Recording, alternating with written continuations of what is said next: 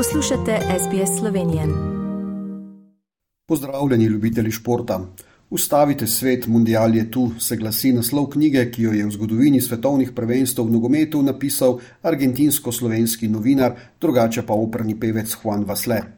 Prav bi bilo, da se v času največjega športnega dogodka na svetu svet vsaj malo ustavi, umiri, odpočije in uživa v strasteh, ki jih omogoča nogomet. Žal temu ni povsem tako. Vojna v Ukrajini se nadaljuje, prav tako pa tempo vsakdanjega življenja. Vajeni smo, da vsaj v Evropi mundial spremljamo v poletnih mesecih, saj takrat vseeno čutiti, da se ritem življenja vsaj malo umiri. Vsaj deloma so se mundialu umaknili drugi večji športni dogodki, ki se zavedajo, da težko tekmujejo za medijsko pozornost konkurenci svetovnim prvenstvom nogometu. Tik pred začetkom mundiala pa je bila aktivna tudi slovenska nogometna reprezentanca, ki je odigrala dve prijateljski tekmi. Naši nadaljujejo odličen niz, ki so ga pokazali ob koncu tekem v Ligi narodov, ko so si izborili, izborili obstanek v drugem kakovostnem razredu. Izbrana vrsta selektorja Matjaža Keka je v prijateljskih tekmah najprej zmagala v gosteh proti Romuniji z 2 proti 1, na to pa še doma premagala Črnogoro z 1 proti nič.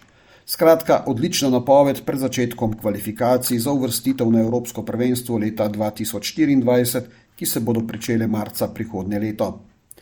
Prav na dan, ko smo v Katarju spremljali prvo tekmo svetovnega prvenstva, se je v Ljubljani zaključilo žensko Evropsko prvenstvo v rokometu.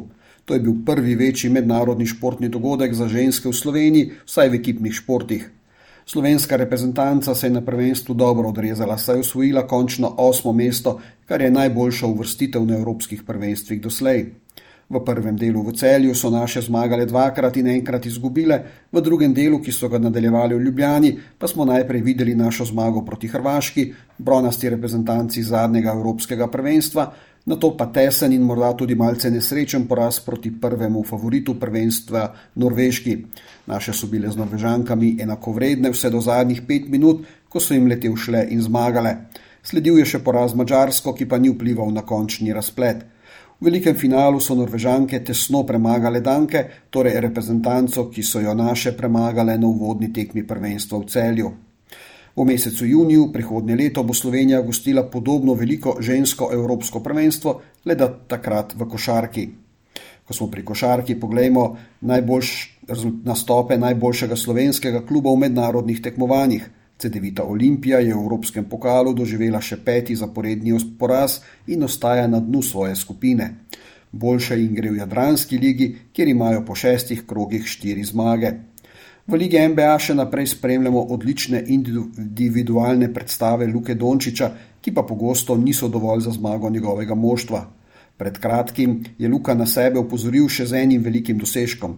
Dosegel je svoj 50. trojni dvojček v Ligi NBA, kar pomeni, da je na posamezni tekmi hkrati dosegel dvomestno število doseženih točk, skokov in asistenc. Mejo 50 trojnih dvojčkov je dosegel kot drugi najma, najmlajši igralec v zgodovini lige, pred njim je le Oskar Robertson, ki je v ligi igral med letoma 1960 in 1974. V zadnjih 50 letih torej ni bilo igralca, ki bi tako mlad dosegal kaj podobnega. V finskem Leviju pa smo spremljali prvo slalomsko tekmo svetovnega pokala v alpskem smučanju nove sezone za dekleta. Odlično šesto mesto je osvojila Ana Bucik.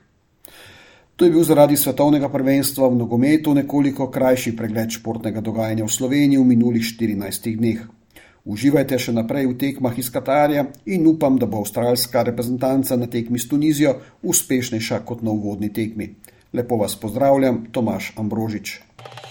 Želite slišati sorodne zgodbe? Prisluhnite jim preko Apple ali Google podcasta, preko aplikacije Spotify ali kjerkoli drugje.